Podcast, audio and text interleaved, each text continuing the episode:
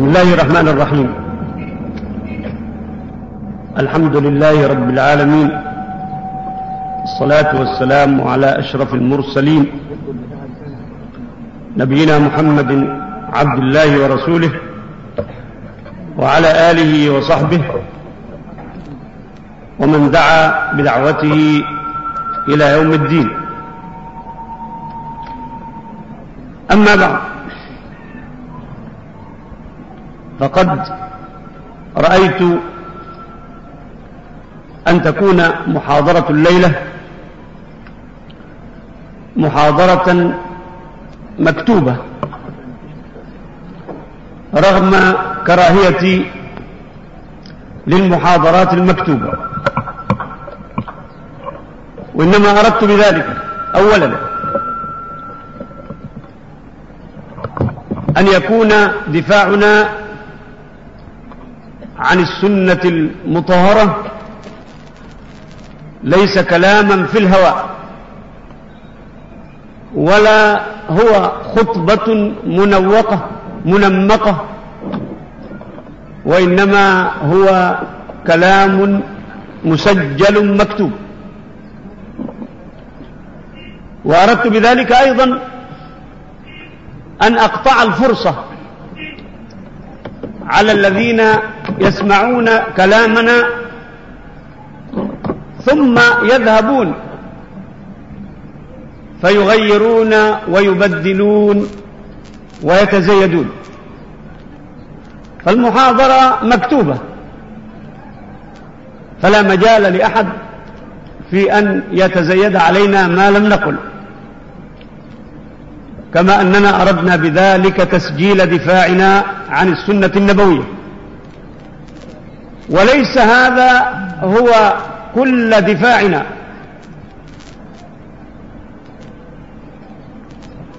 فالجعبة لا يزال فيها الكثير والكثير جدا من الدفاع. ولكني أصارحكم القول بأن المدة التي اطلعت فيها على كلام هؤلاء الجهلة من خصوم السنة وأعدائها كانت مدة قليلة. لم أستطع أن أستوعب فيها جميع الشبهات التي أثاروها حول السنة. ولكن ما لا يدرك كله لا يترك كله.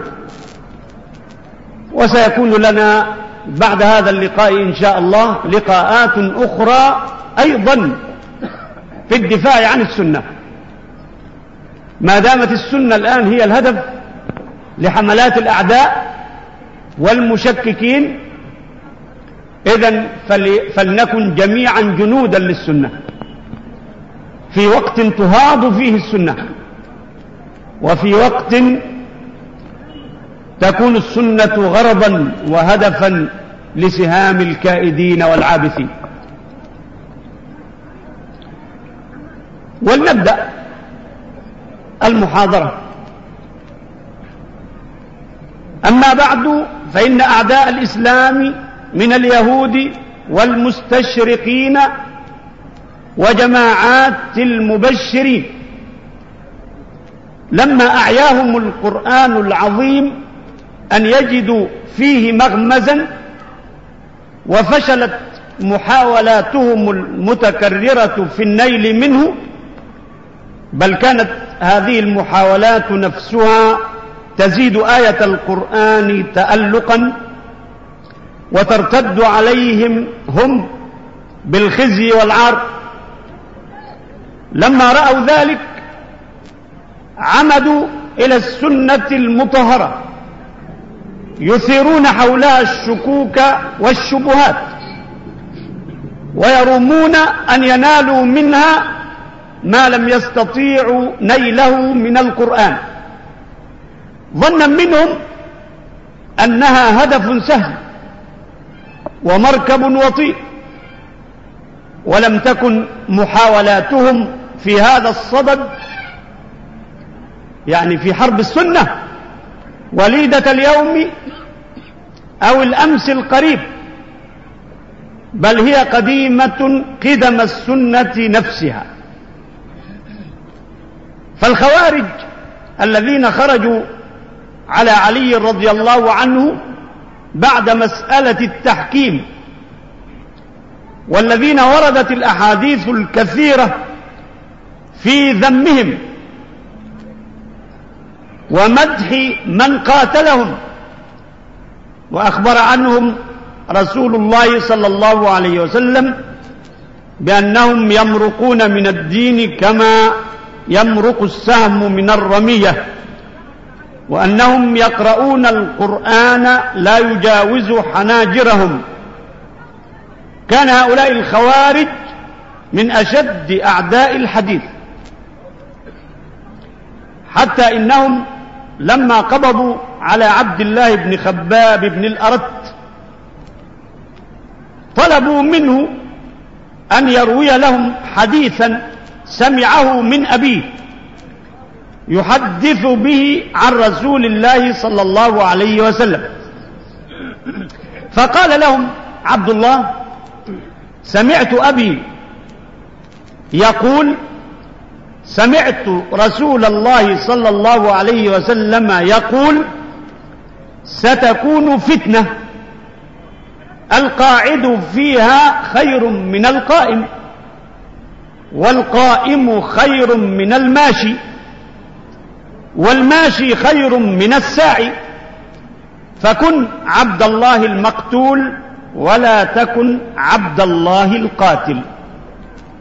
فقالوا له أنت سمعت هذا من أبيك يحدث به عن رسول الله صلى الله عليه وسلم؟ فقال نعم. فقتلوه على شاطئ دجلة حتى جرى دمه في النهر كشراك النعل وبقروا بطن أم ولد له وكانت حاملا. ولما بلغ ذلك عليا رضي الله عنه بعث إليهم أن أخرجوا إلينا قتلة عبد الله. فقالوا كلنا قتلة. فقال علي الآن طاب القتال. والتقى بهم في معركة النهروان حيث قتل منهم عددا كبيرا وفر الباقون منهزمين. وكان من جملة القتلى ذو الثدية وهو زعيم الخوارج الذي أخبر رسول الله صلى الله عليه وسلم عن قتله لما قال صلوات الله وسلامه عليه عن الخوارج أنهم كذا وكذا قال فيهم رجل مسدون إحدى اليدين كأن يده ثدي امرأة أو كأنها بضعة لحم تدردر. فلما انتهت المعركة أمر علي رضي الله عنه أصحابه أن يطلبوا هذا الرجل في القتلى. فذهبوا فلم يجدوه. فقال علي والله ما كذبت ولا كذبت. يعني أنا ما كذبتكم ولا كذب علي رسول الله صلى الله عليه وسلم حين أخبرني أن هذا الرجل سيكون من جملة القتلى ففتشوا فوجدوه مقتولا في خربة في إحدى الخربات فجاء علي ووقف على رأسه وكبر. فتأمل هذا الموقف العجيب من هؤلاء الخوارج. إنهم هم الذين طلبوا من عبد الله بن خباب أن يروي لهم حديثا سمعه من أبيه يحدث به عن رسول الله صلى الله عليه وسلم. فلما فعل قتلوه. ولا يمكن تفسير هذا الموقف للخوارج. إلا بواحدة من اثنتين. إما أن يكون هؤلاء الخوارج صدقوا بالحديث وخالفوا فيكونوا مشاقين لله ورسوله. فدخلوا بذلك في وعيد قوله تعالى ومن يشاقق الله ورسوله فإن الله شديد العقاب. وإما أن يكونوا كذبوا بالحديث ولكن من المكذب حينئذ؟ كذبوا مين من المكذب؟ هل هو عبد الله التابعي الجليل؟ أم أبوه الصحابي خباب أحد السابقين إلى الإسلام وممن أوذوا في الله عز وجل؟ أم رسول الله صلى الله عليه وسلم؟ فيكونوا قد كفروا بذلك التكذيب. يعني فيش موضع للتكذيب لأن الراوي عبد الله وهو تابعي معروف بالصدق والأمانة. ثم سمع هو الحديث من أبيه خباب أحد السابقين على الإسلام. وخباب يروي عن رسول الله صلى الله عليه وسلم. فمن؟ إذا الذي كذبه الخوارج في, في هذا الحديث. هو عبد الله ولا أبوه ولا رسول الله؟ إن كذبوا عبد الله وأبوه. فلا موضع للتكذيب لأن دول أهل يعني أمانة وأهل صدق وعدالة. وإن كذبوا رسول الله كفروا بذلك التكذيب.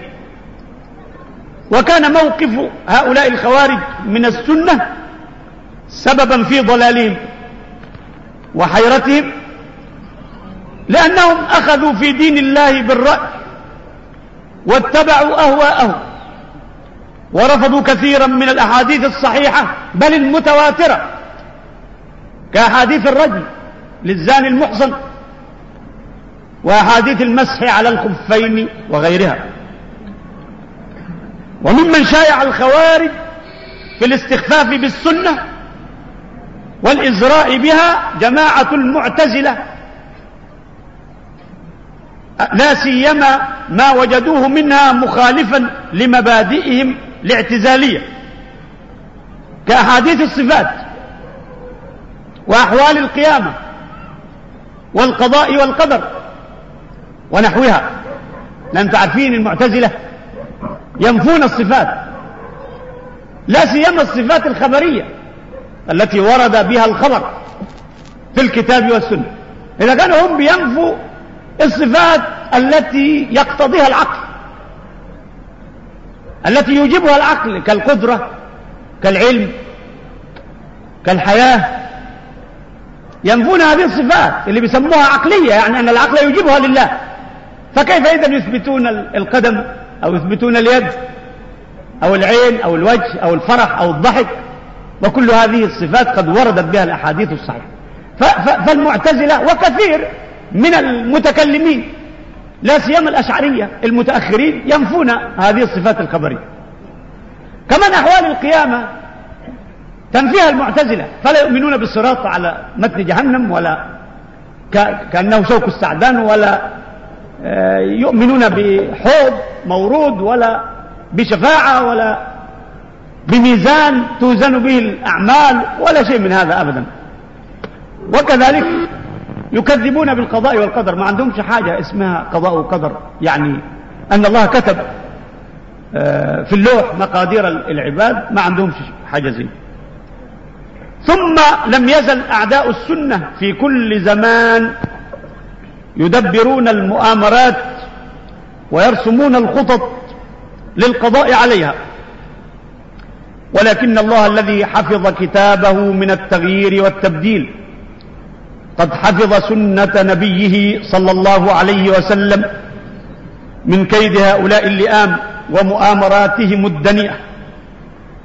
لأنه سبحانه يعلم أن السنة من الكتاب بمنزلة البيان والتفسير فهي التي تخصص عموم الكتاب وتقيد مطلقه وتوضح مبهمه وتفصل مجمله. والله عز وجل قد أمر رسوله بالبيان كما أمره بالبلاغ. قال تعالى وأنزلنا إليك الذكر لتبين للناس ما نزل إليهم ولعلهم يتفكرون. والآن وقبل أن ندخل في مناقشة هؤلاء الخصوم فيما يثيرونه من غبار حول السنة المطهرة نريد أن نعرف ما هي السنة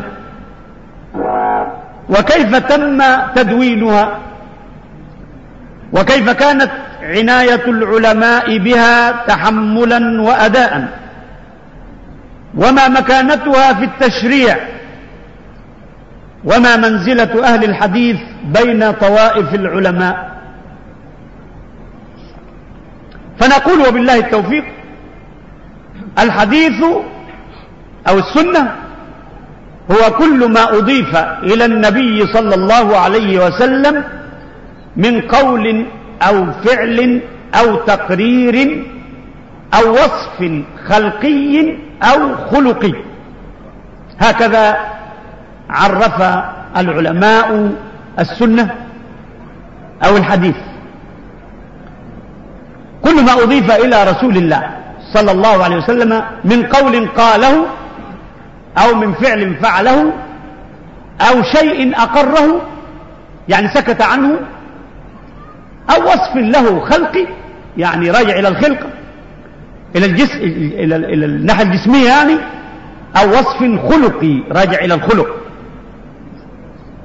فمثال القول قوله عليه الصلاة والسلام فيما رواه عنه عمر بن الخطاب رضي الله عنه إنما الأعمال بالنيات وإنما لكل امرئ ما نوى.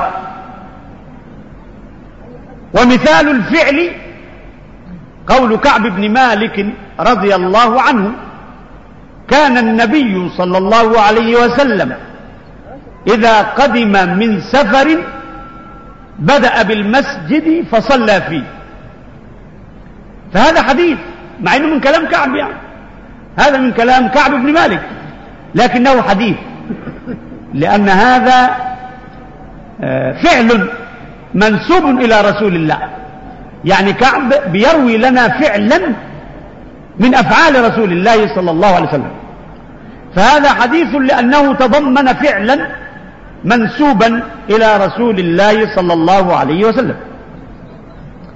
ومثال التقرير قول جابر بن سمرة رضي الله عنه. جالست النبي صلى الله عليه وسلم أكثر من مئة مرة وكان أصحابه يتناشدون الشعر ويذكرون أشياء من أمور الجاهلية وهو ساكت وربما بسم معهم. هذا تقرير لأن هذه الأشياء لو كانت منهيا عنها لما سكت. صلوات الله وسلامه عليه بل كان لابد أن ينبههم إلى أنه لا يجوز لهم أن ينشدوا الأشعار ولا أن يذكروا أشياء من أمر الجاهلية. فسكوته على ذلك تقرير. سكوته على ذلك تقرير وبيان لجواز ذلك. يعني لجواز تناشد الأشعار وجواز ذكر أشياء من عمل الجاهلية ومثال الوصف الخلقي يعني الراجع إلى الخلقة. قول علي بن أبي طالب رضي الله عنه في وصف النبي صلى الله عليه وسلم لم يكن بالطويل البائن يعني الطويل خالص ولا بالقصير المتردد بل كان ربعة من الناس شثن الكعبين. غليظ يعني. والقدمين ضخم الرأس والكراديس طويل المسربة. إلى آخره ومثال الوصف الخلقي قول عائشة رضي الله عنها لم يكن رسول الله صلى الله عليه وسلم فاحشا ولا متفحشا ولا صخابا بالأسواق ولا يجزي بالسيئة السيئة. ولكن يعفو ويصفح. هذا بيان لخلقه صلوات الله وسلامه عليه. وأما تدوين الحديث فليس كما يزعم الخصوم والأعداء من أن الحديث تأخر تدوينه بعد عهد النبوة بزمان طويل. بل قد بدأ التدوين منذ عهد النبوة حيث كان الصحابي الجليل عبد الله بن عمرو بن العاص رضي الله عنهما يكتب كل ما يسمعه من رسول الله صلى الله عليه وسلم وكان صلوات الله وسلامه عليه لا ينهاه عن ذلك. حتى إنه لما قالت له قريش إن رسول الله صلى الله عليه وسلم بشر وإنه يتكلم في حال الرضا والغضب وأنت تكتب عنه كل ما تسمع. يعني خشوا أن يكتب عبد الله شيئا لم يرد رسول الله صلى الله عليه وسلم أن يكون حديثا. لأنه تكلم به في حال غضب أو, أو كذا. فشكى ذلك عبد الله إلى رسول الله صلوات الله وسلامه عليه. وقال له إن قريشا تقول كذا وكذا. فقال له اكتب. فوالله ما يقول هذا إلا حقا يعني ما يخرج من لساني إلا حق. في حال الغضب أو في حال الرضا. ولهذا كان أبو هريرة رضي الله عنه يقول لم يكن أحد من أصحاب رسول الله صلى الله عليه وسلم أكثر حديثا مني إلا عبد الله بن عمرو فإنه كان يكتب ولا أكتب. أبو هريرة طبعا حفظ كثيرا من أحاديث رسول الله صلوات الله وسلامه عليه وكان أكثر الصحابة رواية للحديث. ولهذا كان موضع طعن هؤلاء الطاعنين. اختصوه أيضا بالطعن لأنه اشتهر برواية الحديث وكان علما من أعلام الحديث. وهم يدوروا على أعلام الحديث علشان يطعنوا فيها. ظنا منهم أنهم إذا يعني طعنوا في هؤلاء يبقى نجحوا في محاولتهم وهي القضاء على السنة.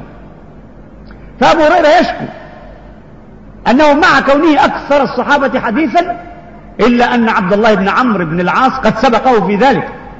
ليه؟ لأنه كان يكتب ولا أكتب. وكان ابن, عم ابن عمرو يسمي صحيفته الصادقة. يعني يسمي الصحيفة التي كتبها عن رسول الله الصادقة. وكذلك كان عند علي رضي الله عنه صحيفة فيها فكاك الأسير والديات وألا يقتل مسلم بكافر. بعد وفاة رسول الله صلى الله عليه وسلم سئل علي هل أوصى لكم رسول الله صلى الله عليه وسلم بشيء؟ أو عهد إليكم بعلم لم يعلمه الناس؟ قال علي رضي الله عنه لا والذي فلق الحبة وبرأ النسمة. ما أوصى لنا رسول الله صلى الله عليه وسلم بشيء كتمه عن الناس إلا أن يعطي الله عبده فهما في كتابه وإلا ما في هذه الصحيفة. وأخرج علي صحيفة كان مكتوب فيها بعض الأحكام المتعلقة بالديات وفكاك الأسرى وألا يقتل المسلم بالكافر. ولما حدث رسول الله صلى الله عليه وسلم أصحابه بحديث من قتل له قتيل فهو بخير النظرين قام رجل من أهل اليمن يقال له أبو شاه فقال اكتب لي يا رسول الله فقال اكتبوا لأبي شاه. اكتبوا لأبي شاه يعني أذن لهم كان يكتبوا له نص الحديث الذي حدثهم به رسول الله. وكانت كتبه صلى الله عليه وسلم إلى الملوك والأمراء تعتبر من الحديث المكتوب. لأنها كتب كتب مكتوبة وهي حديث فالنبي صلى الله عليه وسلم لم ينهى عن كتابة الحديث نهيا مطلقا. بل رخص في ذلك لبعض أصحابه. وبعد وفاته عليه السلام كان حديثه محفوظا في صدور أصحابه ونشط صغار الصحابة كابن عباس وأنس وجابر وغيرهم في جمع الحديث الذي كان عند غيرهم من كبار الصحابة ليضموه إلى ما سمعوه بأنفسهم. ابن عباس بعد وفاة رسول الله صلى الله عليه وسلم وكان حدث السن يعني توفي رسول الله صلى الله عليه وسلم وهو صغير لم يناهز الحلم. وطبعا وهو في هذه السن الصغيرة لم يسمع كثيرا من الأحاديث فاته منها شيء كثير. فكان يذهب إلى كبار الصحابة ويجلس على أبواب دورهم ينتظر خروجهم ليسمع منهم ما حفظوه من أحاديث. حتى إنه مرة والدنيا برد شديد. ذهب فجلس على باب رجل من الأنصار. ومكث ينتظر حتى خرج الأنصار. فلما رآه قال يا ابن عم رسول الله ما الذي أجلسك هنا؟ ألم تطرق الباب لأفتح لك أو كذا أو كذا? قال لا. بل حاجتي إليك هي التي جعلتني أجلس على باب دارك بيقول يعني أنت ما انتظرتش لي حتى أتيك أنا. ادعوني وأنا أتيك في دارك أنت. قال له لا. أنا اللي محتاج لك مش أنت اللي محتاج لي. وأخذ منه آه، ما عنده من أحاديث. ولما فتحت الأمصار وتفرق الصحابة في البلدان أخذوا يروون ما كان عندهم من حديث لتلامذتهم من التابعين. وفي أواخر القرن الأول للهجرة والتابعون متوافرون. عشان بيقولوا الدس بيقولوا الأحاديث ودس في الأحاديث. عشان تعرف كيف دونت الأحاديث من أول يوم وكيف أنها كتبت ولا يزال العهد قوي ولا يزال بعض الصحابة موجود ولا يزال التابعون كلهم موجودين الذين أخذوا من من أفواه الصحابة. يعني التابعين أخذوا الحديث من أفواه الصحابة. ودون الحديث في عهد التابعين اللي هم أخذوا الحديث من من الصحابة مشافاة. يبقى فين الدس؟ الدس ده هيدخل فين بقى؟ هيدخل فين الدس؟ يا ترى في الصحابة؟ ولا في التابعين؟ ولا في أتباع التابعين؟ ولا في الأئمة الذين رووا عن هؤلاء؟ مين اللي هيقدر يدس على هؤلاء يعني؟ أي يهودي زي ما بيقولوا اليهود اللي دسوا. أي يهودي يم يعني يستطيع يدس إزاي؟ على صحابي أو على تابعي أو على سبحان الله. وفي أواخر القرن الأول للهجرة والتابعون متوافرون. أمر الخليفة الراشد عمر بن عبد العزيز رضي الله عنه بتدوين السنة. وكتب إلى علماء الأمصار يقول انظروا ما عندكم من السنن والآثار فاجمعوها.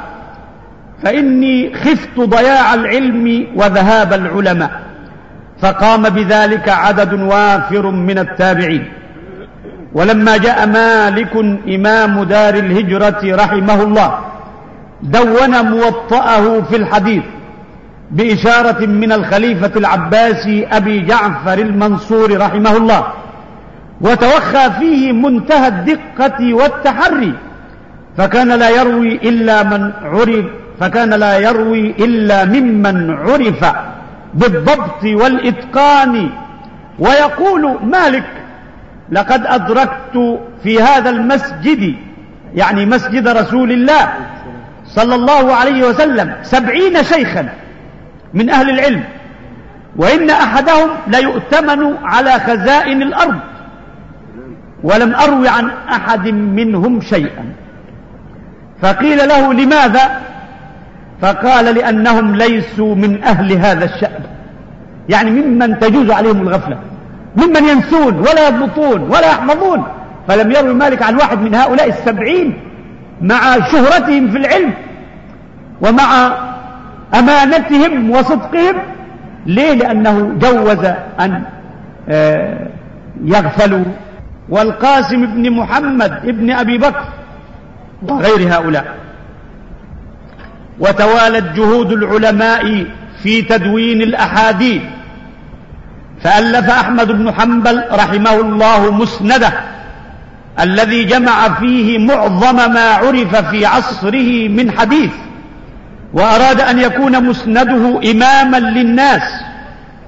ولما نشطت حركة الوضع للحديث وكانت الكوفة هي المركز الرئيسي لتلك الحركة قام العلماء بوضع الشروط والقواعد التي يجب أن تتوفر في الحديث ليكون صحيحا مقبولا وهو أن يتصل إسناده بنقل العدل الضابط عن مثله حتى يصل إلى رسول الله صلى الله عليه وسلم وأخذوا يبحثون الأسانيد ليميزوا. فيها ووضعوا علم الجرح والتعديل لوزن رجال الأسانيد. في هذا العلم من الدقة والتحري ما لم يقع لأمة من الأمم قبل المسلمين. يعني الرو يعرف تاريخ حياته وتعرف مروياته كلها.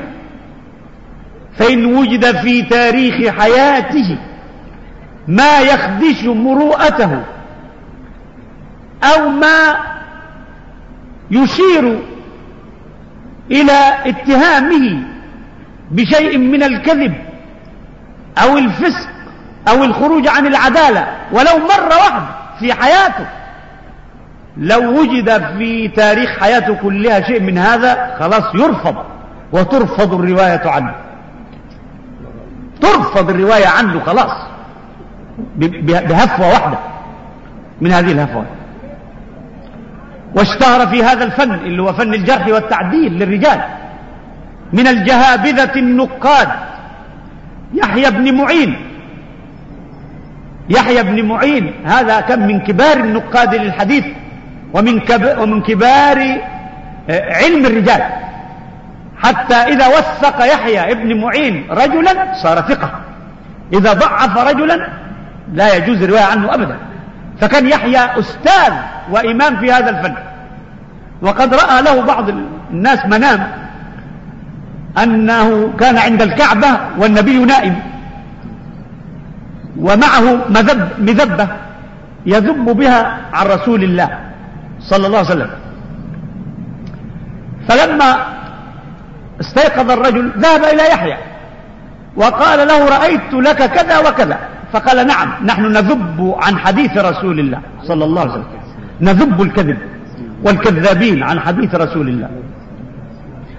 واشتهر في هذا الفن من الجهابذة النقاد يحيى بن معين ويحيى بن سعيد القطان وعبد الرحمن بن مهدي وأحمد بن حنبل وعلي بن المديني والبخاري والنسائي وابن حبان والدار قطني وأبو زرعة الرازي وأبو حاتم البستي فلم يتركوا رجلا من رجال الإسناد إلا فلوه تفلية ودرسوا حاله دراسة وافية وألفوا الكتب في الضعفاء والمتروكين والمجهولين وقسموا الحديث بحسب إسناده إلى الصحيح والحسن والضعيف والمتروك والموضوع إلى آخره.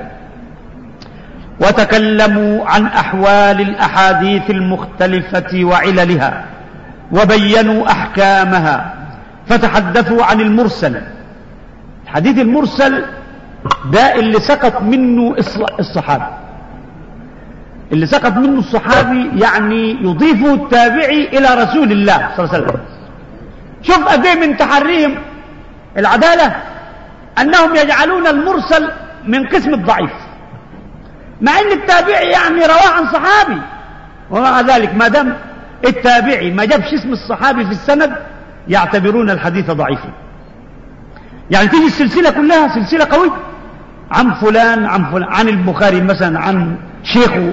ابن المديني أو نعيم بن حماد أو كذا أو يعقوب أو عن فلان عن فلان عن سعيد بن المسيب أو عن عطاء أو عن ابن سيرين أو كذا عن رسول الله على طول. فيضيف التابعي الحديث إلى رسول الله ويحذف الصحابة الذي أخذ عنه الحديث. علماء الحديث يعتبرون هذا المرسل من قبيل الضعيف فلا يحتجون به. مع ان يعني الصحابة كلهم عدول. وحفظ الصحابي أو الجهل بالصحابي لا يضر. ومع ذلك لشدة تحريهم الصدق في الحديث لا يقبلون المرسل الذي يرفعه التابعي إلى رسول الله صلى الله عليه وسلم. وكذلك المنقطع. المنقطع ده إيه؟ المنقطع أن يذكر السند. ثم يحذف واحد من وسط الاسناد يعني في السلسلة واحد مبهم أو حذف مرويش لم يذكر اسمه. هذا أيضا ضعيف المنقطع ضعيف لأن السلسلة مش متصلة. السلسله لم تتصل فهو ضعيف. وكذلك المقطوع اللي حذف منه قبل اللي قبل التابعي على طول. برضه ضعيف. وهكذا يعني كل هذه عندهم من أقسام الضعيف المرسل المقطوع المنقطع. كل هذا من أقسام الضعيف. والمعضل والشاذ والمنكر. وتحدثوا عن الموضوع وأسباب الوضع. وبالجملة فإنهم لم يتركوا شيئا يتعلق بالحديث إلا أوفوه بحثا ودراسة. فحفظوا بذلك سنة نبيهم صلى الله عليه وسلم وذبوا عنها الدخيل والموضوع. ولما أراد البخاري رحمه الله تأليف صحيحه البخاري كان بيحفظ أكثر من 300 ألف حديث. كان يحفظ أكثر من 300 ألف حديث. وبعدين ينتخب لنا من ال 300 ألف حديث 8000 حديث. والمكرر بالمكرر. وبعدين لما تيجي تحذف المكرر تلاقي في صحيح البخاري كله 4000 حديث. وبعد هذا الانتخاب وهذه الغربلة وهذه وهذا النخل من البخاري يجي جاهل مأفون قال يستدرك على البخاري أحاديث يقول لا ده الأحاديث دي الموضوعة أو أحاديث مدسوسة. شوف الجهل الدار قطني الإمام الكبير الذي كان أعلم الناس بعلل الحديث. أعلم الناس بعلل الحديث في يوم في أيامه وفي عصره. اللي هو الدار قطني. استدرك على البخاري بضع أحاديث يعني لم تبلغ العشر. أحاديث لم تبلغ عشرة أحاديث. استدركها الدار قطني مش إنها غير صحيحة أبدا. بل بس الدار قطني قال إنها ليست على شرط البخاري. لأن البخاري اشترط شروط وهذه الأحاديث لا تنطبق عليها شروط البخاري. بس ادي كل الحكاية. يعني ده قطني ما قالش إن البخاري روى موضوع والعياذ بالله ولا روى ضعيف. بل هي أحاديث صحيحة. وكل ما استدركه الدار قطني على البخاري أن البخاري لم يراعي الشروط التي اشترطها في صحيحه في تلك الأحاديث. فجاء الحافظ ابن حجر في مقدمة الساري مقدمة هدى الساري اللي هي مقدمة الشرح شرح صحيح البخاري لابن حجر. اقراها تلاقي ابن حجر رد على الدار قطن وبين له إن البخاري كان أعلم منه بهذه الأحاديث وبعلل هذه الأحاديث وبين له كيف إن البخاري روى هذه الأحاديث مش وأنها ليست كما قال الدار قطني وأن هذه الأحاديث إنما رواها البخاري لأنها لها شواهد تقويها في مواضع أخرى. فلهذا استباح البخاري أو استجاز البخاري بروايته. لما أراد البخاري رحمه الله تأليف صحيحه اشترط لذلك شرطين.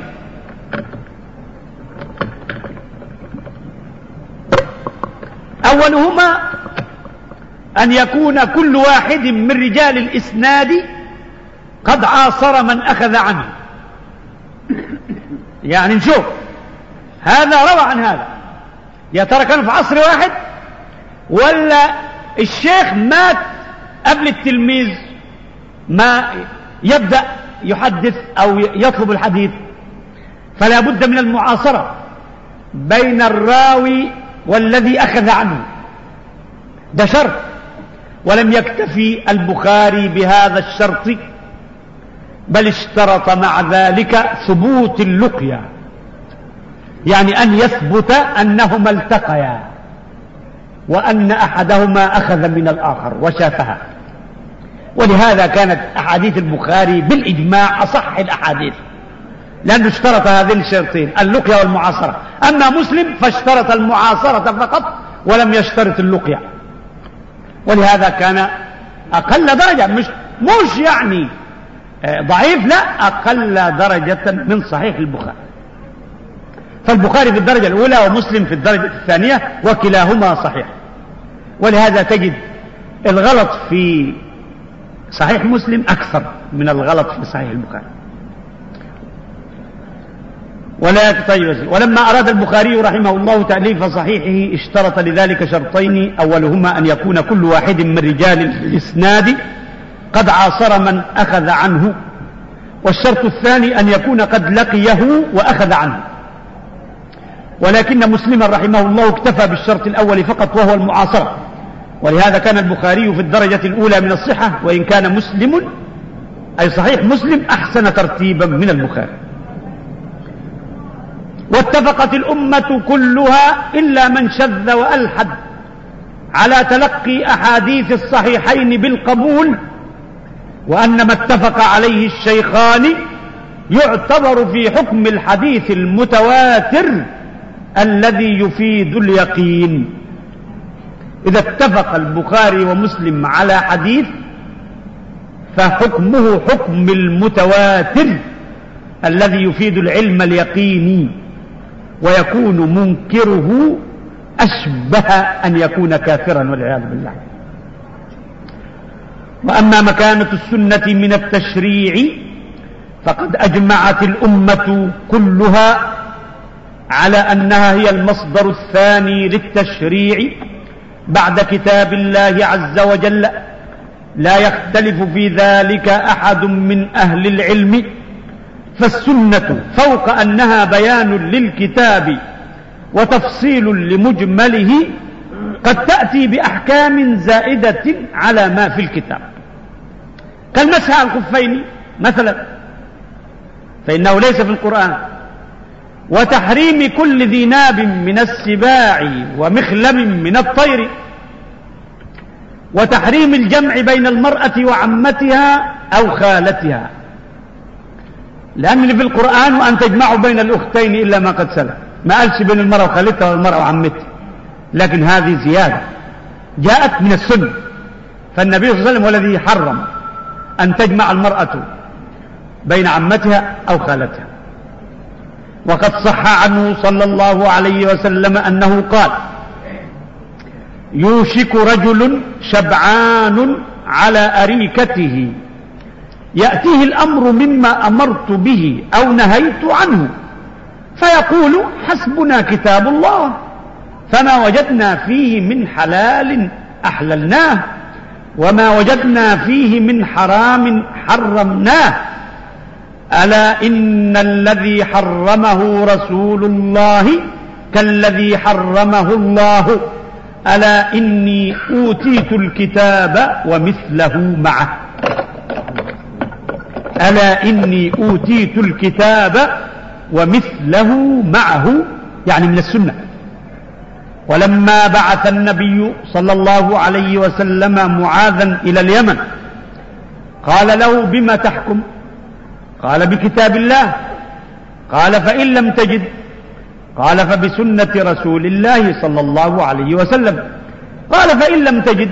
قال أجتهد رأيي لا آل. فقال الحمد لله الذي وفق رسول رسول الله صلى الله عليه وسلم لما يرضي رسول الله أو لما يرضي الله ورسوله. والقرآن الكريم نفسه يرشد إلى وجوب اتباع السنة والأخذ بها كمصدر ثان للتشريع.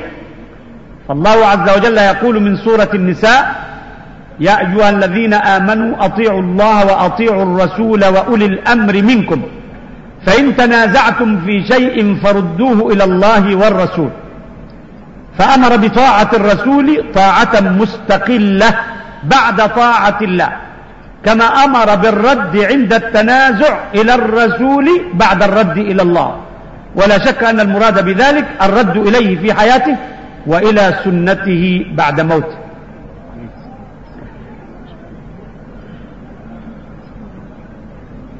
تأمل قوله تعالى أطيعوا الله وأطيعوا الرسول.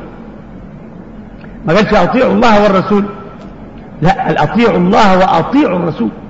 عشان يشير وينبهنا إلى أن طاعة الرسول واجبة حتى ولو قال ما لم يجئ في القرآن. حتى ولو قال ما لم يرد في القرآن يجب طاعته فيه. أطيعوا الله وأطيع. ليشير إلى أن طاعة الرسول طاعة مستقلة. مش بس نطيعه فيما جاء به القرآن بس لا بل نطيعه في كل ما قاله حتى ولو كان زائدا على القرآن. ويقول سبحانه من سورة الحشر وما آتاكم الرسول فخذوه وما نهاكم عنه فانتهوا. ولا شك أن هذا الإيتاء لا يعني يشمل إيتاء المال وإيتاء العلم وغير ذلك. يعني مش المقصود بس منه إيتاء المال بس. وما آتاكم الرسول فخذوه. ما قالش ما آتاكم من المال. لا قال وما آتاكم. فيشمل إيتاء المال وإيتاء العلم. ويقول جل شأنه من سورة الأحزاب آمرا لنساء نبيه صلى الله عليه وسلم واذكرن ما يتلى في بيوتكن من آيات الله والحكمة.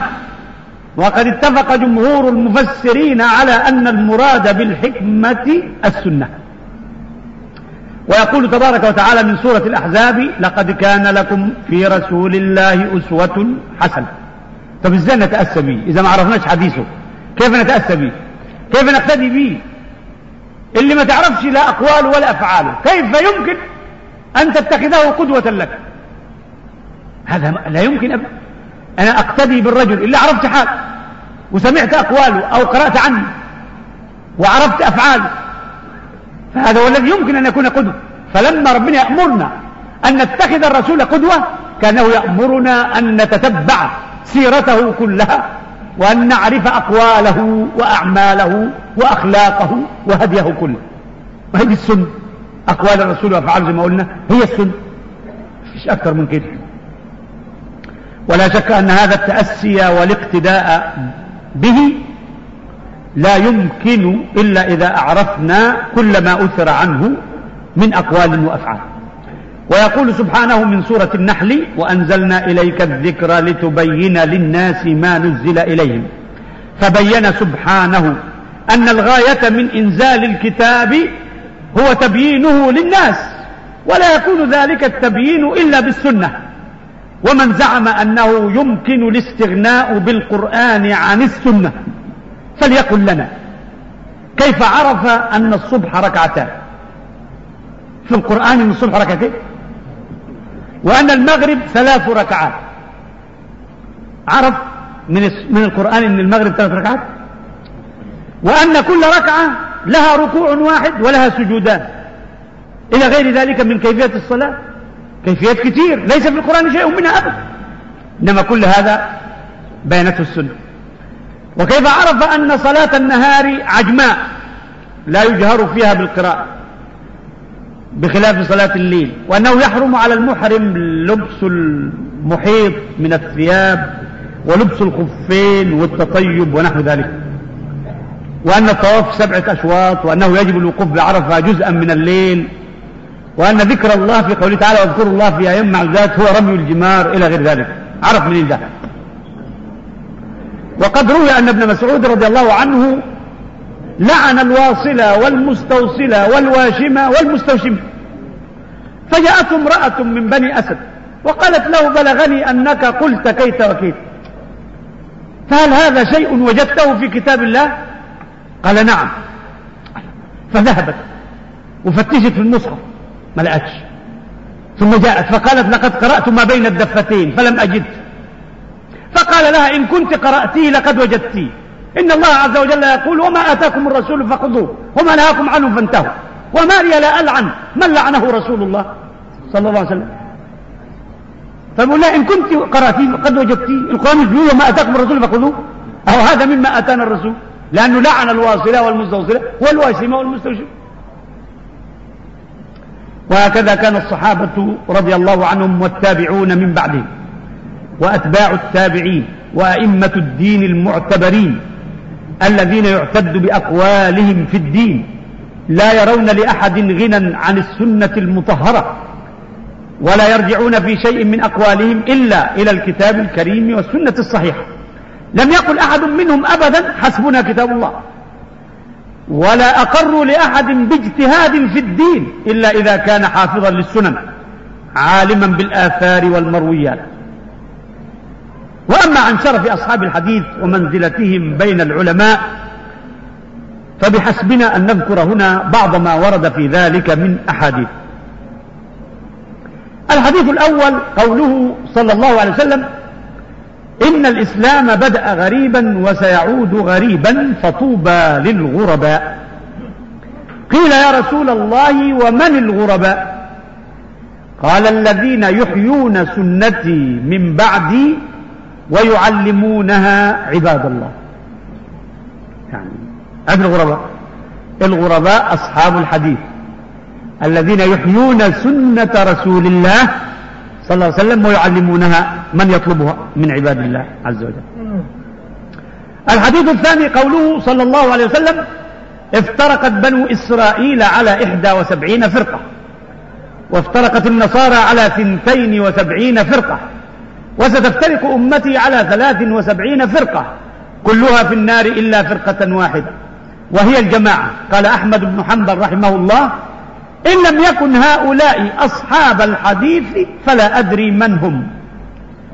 ابن حنبل بيقول إما كانوا دول أصحاب الحديث اللي هي الفرقة الناجية ما ما أعرفش هم مين بقى. سبحان الله. أحمد الإمام الكبير ده بيقول الفرقة الناجية اللي النبي قال هي هي اللي هتنجو من ال 73 هي أصحاب الحديث. وإن لم يكونوا أصحاب الحديث فلا أعرف من هم بقى. إن لم يكونوا أصحاب الحديث فلا أدري من هم. الحديث الثالث قوله صلى الله عليه وسلم لا تزال طائفة من أمتي ظاهرين على الحق لا يضرهم من خذلهم حتى تقوم الساعة. لا تزال طائفة من أمتي ظاهرين على الحق لا يضرهم من خذلهم حتى تقوم الساعة. قال ابن المبارك رحمه الله هم عندي أصحاب الحديث. ابن المبارك معروف ابن المبارك. ومشيخة ابن المبارك وعلم ابن المبارك وإمامة ابن المبارك. فابن المبارك يرى أن هذا الحديث لا ينطبق إلا على أهل الحديث. لأن هم اللي ظاهرين على الحق. دون سائر الطوائف الضالة المبتدعة. لأن هم الذين اتبعوا ولم يبتدعوا. فهم هم الطائفة التي عناها رسول الله صلى الله عليه وسلم هنا. لا تزال طائفة من أمته مين هتبقى الطائفة دي؟ إلا, إلا أصحاب الحديث. لأن كل الطوائف ضلال ومبتدعة. لكن أصحاب الحديث هم الذين حافظوا. ولم يغيروا ولم يبدلوا. واتبعوا السنن والآثار. ولم يزيدوا من عند أنفسهم شيئا. وقال أحمد رحمه الله عند روايته لهذا الحديث برضه إن لم يكونوا أصحاب الحديث فلا أدري من هم. يعني ما كانوش الطائفة دي هي أصحاب الحديث فلا أدري من هم. وقال أبو حاتم سمعت أحمد بن سنان وذكر حديث لا تزال طائفة من أمتي على الحق فقال هم أهل العلم وأصحاب الآثار. الحديث الرابع قوله صلى الله عليه وسلم يحمل هذا العلم من كل خلف عدوله. هذا العلم يقصد بهذا العلم إيه بقى؟ إيه؟ الحديث قط. يحمل هذا العلم يعني الحديث. من كل خلف أي من كل دين يجي. عدوله.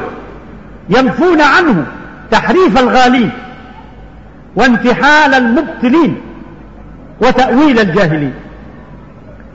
يحمل هذا العلم من كل خلف عدوله. ينفون عنه تحريف الغالين وانتحال المبتلين وتأويل الجهل الحديث الخامس قال علي بن أبي طالب رضي الله عنه خرج علينا رسول الله صلى الله عليه وسلم. فقال اللهم ارحم خلفائي. قال علي قلنا يا رسول الله ومن خلفاؤك؟ قال الذين يأتون من بعدي يروون أحاديثي وسنتي ويعلمونها الناس. وأما عن بيان فضل الإسناد الجماعة اللي بيطعنوا في الأحاديث الإسناد هو البعبع. اللي بياكلهم. لأن ما يقدروش أبدا. لا. ما يقدروش يتعرضوا للإسناد. ولا يقدروا. يجوا ناحية الإسناد. ولا يقدروا يطعنوا في رجل من رجال الإسناد. اللي روى عنهم البخاري أو مسلم. لا يجدون مغمز ولا مطعن في هؤلاء الرجال. أمال مطعنهم في إيه أو هدفهم إيه؟ يقول لك لا إحنا ما دعوة بالسند ده السند ده ما دعوة بيه. إحنا نبص للحديث في نفسه. إن كان معناه مقبول وموافق للقرآن زي ما بيزعموا نقبله. لكن إن كان مش كده نرفضه. ما كانش موافق للعقل ولا كده نرفضه. حتى ولو صح الإسناد حتى ولو صح الإسناد. لأنهم لا يقيمون للإسناد وزنا ولا يعتبرون الإسناد. مع إن الإسناد كما قال ابن المبارك رحمه الله هو الدين. الإسناد دين. ولولا الإسناد لقال من شاء ما شاء. لولا الإسناد في الأحاديث كل واحد يروي. زي ما هو عاوز. لكن الإسناد هو اللي عرفنا. الحديث ده من من غيره. الحديث ده صحيح أو ضعيف أو كذا. وأما عن بيان فضل الإسناد وأنه مما خص الله به هذه الأمة فقد رويت في ذلك آثار كثيرة. نكتفي هنا بذكر طرف منها. قال مطر الوراق رحمه الله في قوله تعالى أو أثارة من علم. ائتوني بكتاب من قبل هذا أو أثارة من علم. قال مطر المراد بالأثارة من علم هو إسناد الحديث. إسناد الحديث. قال مالك رحمه الله في قوله تعالى وإنه لذكر لك ولقومك. وإنه لذكر لك ولقومك. قال مالك هو قول الرجل حدثني أبي عن جدي عن فلان عن فلان. ذكر ذكر له. إيه؟ مش بتذكرهم اهو في السند تقول حدثني أبي عن جدي عن فلان عن فلان. وإنه لذكر لك ولقومك. قال أبو بكر محمد بن أحمد الخطيب البغدادي رحمه الله بلغني أن الله تعالى خص هذه الأمة بثلاثة أشياء. لم يعطها من قبلها الإسناد والأنساب والإعراب. الإسناد في الحديث والأنساب يعني تحافظ على أنسابها. ما تختلطش فيها الأنساب كما تختلط في الأمم الأخرى. والإعراب يعني الإفصاح والكلام والبلاغة في الكلام والإعراب يعني التبيين في الكلام البيان في الكلام. قال محمد بن حاتم المظفر رحمه الله. خذوا بالكم من كلمة هذا الرجل لأنها كلمة عظيمة جدا يجب أن تدون وتوضع كدستور كدستور لكل من يحب السنة. قال محمد بن حاتم المظفر رحمه الله إن الله تعالى أكرم هذه الأمة وشرفها وفضلها بالإسناد محل التكريم والشرف في نظر محمد بن حاتم هذا؟ الإسناد أنها أمة لا تلقي الكلام على عواهنه وإنما هي أمة تسند كلامها. عن مين يا أخويا؟ قلت عن فلان عن فلان عن فلان عن فلان. حتى ينتهي به إلى محمد وبعدين محمد إلى جبريل وجبريل عن الله. ما هو ده الإسناد؟ ما الإسناد مبدأه مين؟ الله. لأن الله إدى لجبريل وجبريل إدى لمحمد. فإذا بلغ الإسناد منتهاه إلى رسول الله يبقى لا لازم نرفعه كمان نقول عن جبريل عن الله. تتمة الإسناد إيه؟ عن جبريل عن الله. لأن محمد صلوات الله وسلامه عليه. لا يقول عن الهوى لا ينطق عن الهوى وإنما هو وحي يوحى. نعم. أنا أنطق عن الهوى. يبقى تتمة الإسناد عن جبريل عن الله عز وجل. إن الله تعالى أكرم هذه الأمة وشرفها وفضلها بالإسناد وليس لأحد من الأمم كلها قديمهم وحديثهم إسناد. ال... اليهود ضيعوا الإسناد بتاع التوراة بتاعتهم النصارى ضيعوا الإسناد بتاع الأناجيل بتاعتهم. أسانيدهم منقطعة كلها لم يبقى إسناد للكتب المنزلة كلها اللي قبل القرآن. إنما هذه الأمة حافظت على إسنادها. حافظت على الإسناد. وكان هذا مما شرف الله به هذه الأمة ومما اختص به هذه الأمة. إن الله تعالى أكرم هذه الأمة وشرفها وفضلها بالإسناد. وليس لأحد من الأمم كلها قديمهم وحديثهم إسناد.